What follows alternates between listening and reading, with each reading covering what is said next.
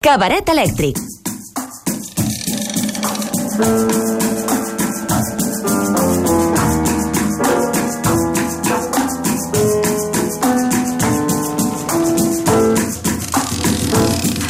Alegria!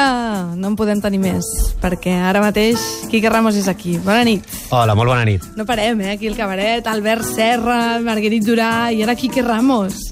Lo, lo mismito. Eh? Però parlant de Daniel Johnston, que és un dels nostres músics preferits Això sí. i, i que, vaja, que ja tocava. De fet, és que de vegades els que parlem de música, música... ja tocava. De, de vegades els que parlem de música som una mica burros amb aquestes coses i quan hi ha un artista del que s'han fet pel·lis i surten a la tele i tot això, em sembla ja que no ens ja... ja és massa mainstream. Bueno, no és que no ens agradi, ens agrada però més en la intimitat. Ja. ja sembla que no ens haguem d'omplir la boca amb, amb el seu nom perquè, bueno, ja és massa vulgar. La gent Entenc, ja, entenc. ja ho sap. Uh, per Però això he trigat una miqueta en portar el tarde, Daniel Johnston. Nunca es tarde si la dicha es buena. però jo no sé si els oients el coneixen o no, segurament sí, uh, però és igual, perquè és el Daniel Johnston i és el millor del món. D'acord? Speedy motorcycle, won't you change me? Speedy motorcycle, won't you change me? In a world of funny changes, speedy motorcycle, won't you change me? Va, explica'm una mica, per qui no conegui Daniel Johnston, qui és aquest home? Doncs us faig un repàs rapidíssim. El Daniel Johnston va començar a editar i a distribuir la seva música l'any 1980. Ell estava obsessionat amb els Beatles i amb bastantes més coses, com els còmics de superherois, el Casper, Déu, els enterradors, l'amor i un llarg etcètera de coses. Es tancava al soterrani de casa dels pares, amb un tecladet barato com aquest que podeu sentir, i amb una cassetera i gravava un mogollon de cançons eh, maquíssimes i molt desafinades també, que després venia en format caset, ell mateix al, al, a la feina, al McDonald's on treballava. Tu, tu haguessis matat per tota tenir gent- un caset d'aquests. Bueno, no m'importa, ja els tinc en altres formats i això és el que importa. Uh, així va ser gairebé tots els seus 80. Uh, ell tenia la fantasia de ser una estrella de rock que es va anar fent realitat poquet a poquet i d'alguna manera una mica estranya. Per culpa de Kurt Cobain? Bueno, això vindria una miqueta després. Però mentre la seva fama eh, recorria al soterrani de la música independent i anava fent fans com el Kurt Cobain, com Sonic Youth, com Butthole Surfers, com Kramer, eh, ell anava cada cop més perdut i amb el cap una mica fora de puesto. Eh, fins al punt de que quan per fi va començar a poder tocar com amb els músics que tant li agradaven i tocar amb un grup de rock i amb, bueno, amb alguns dels seus ídols que, que el volien acompanyar i tocar amb ell, doncs el tio estava totalment anat de la olla i... Bueno, té una malaltia mental, no és que estigui... Bueno, sí, sí, però no? Vull dir que estava, estàvem al punt màxim de la seva Mm. malaltia i va tenir Sí. com un col·lapse superbèstia que el va tenir apartat uns anys de, de poder fer música i gravar discos, Mm-hmm. però bueno, um, just després d'aquest col·lapse doncs va poder gravar amb alguns d'aquests músics, amb gent de Butthole Surfers, i va fer cançons amb grup tan xules com aquesta.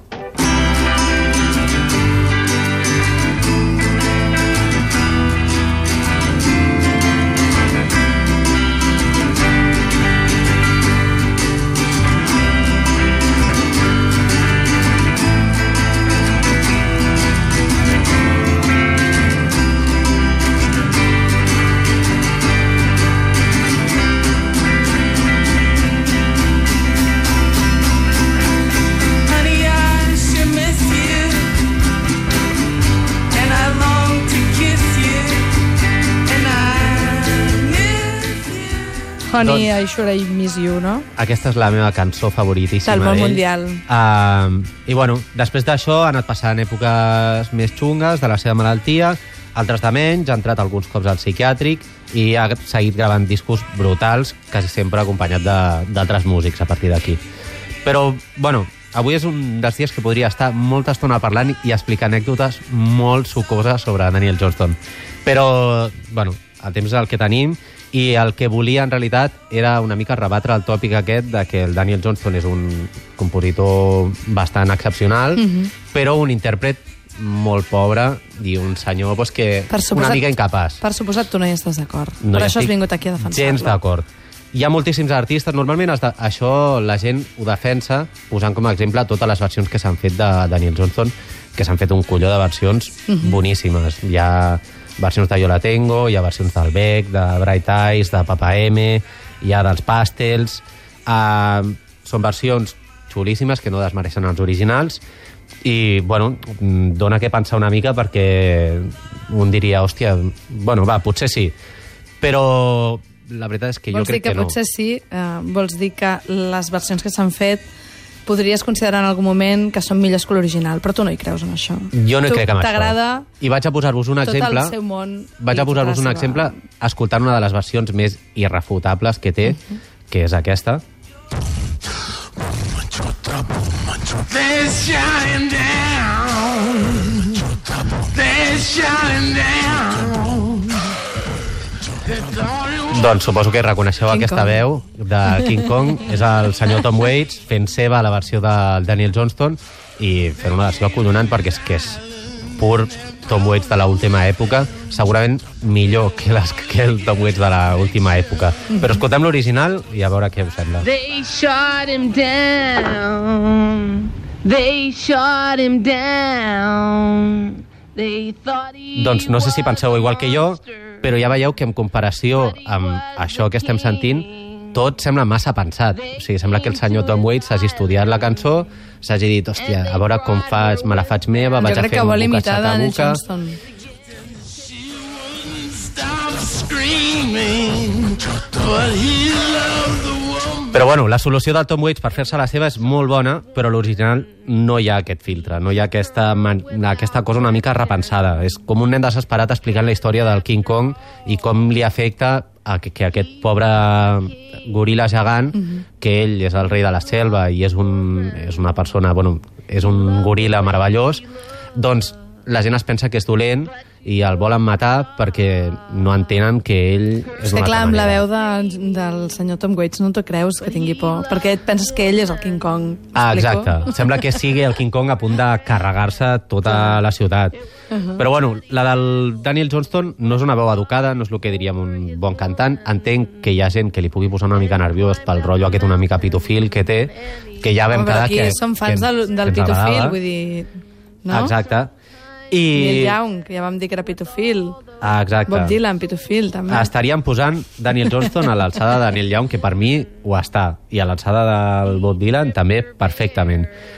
La seva manera d'interpretar és sentiment pur, no té cap mena de filtre i per això és capaç de fer les coses més alegres, les coses més tristes i bastant incapaç de tenir un punt intermig també. Uh, això es pot escoltar multiplicat per molt a un dels seus discos favorits meus, que és el 1990, que és gairebé el seu disco de gospel. I, bueno, us he d'advertir que és un disco bastant bèstia, uh, a mi em fa plorar bastant, i que la cançó que anem a sentir uh, és una cançó molt desoladora, però amb, amb una miqueta d'esperança.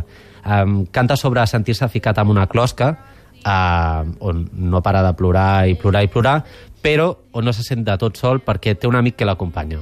I és un amic que amb aquesta cançó ell no... És l'amic invisible dels nens, no? Mm, Sí, no acaba de dir qui és, com que té moltes cançons sobre Déu, doncs un pot pensar que és sobre Déu, però també podria ser sobre el Casper, o podria ser sobre la seva amiga, la granota um, simpàtica, o de qualsevol d'aquests amics que convoca el 6 a, a qualsevol nit pot sortir al sol, doncs seria una mica això.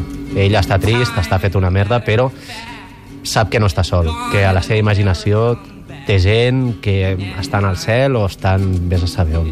Va, anem a sentir-ho.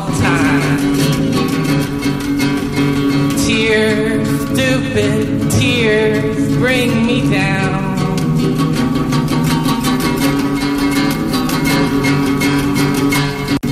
I got lucky by coincidence, but I got my feelings bent. Doncs aquest és l'amic Daniel, eh, passant-ho malament, però Tears pensant que Tears, en algun moment tema. estarà una mica millor. Clar que sí, tots ho pensem alguna vegada quan plorem. I tant.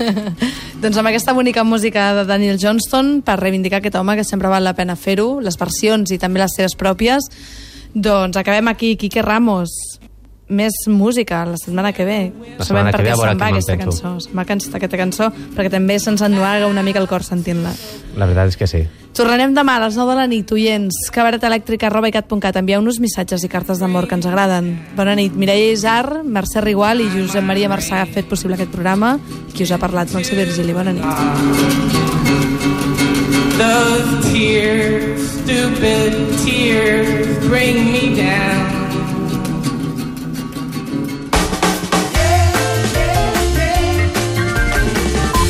Funcar.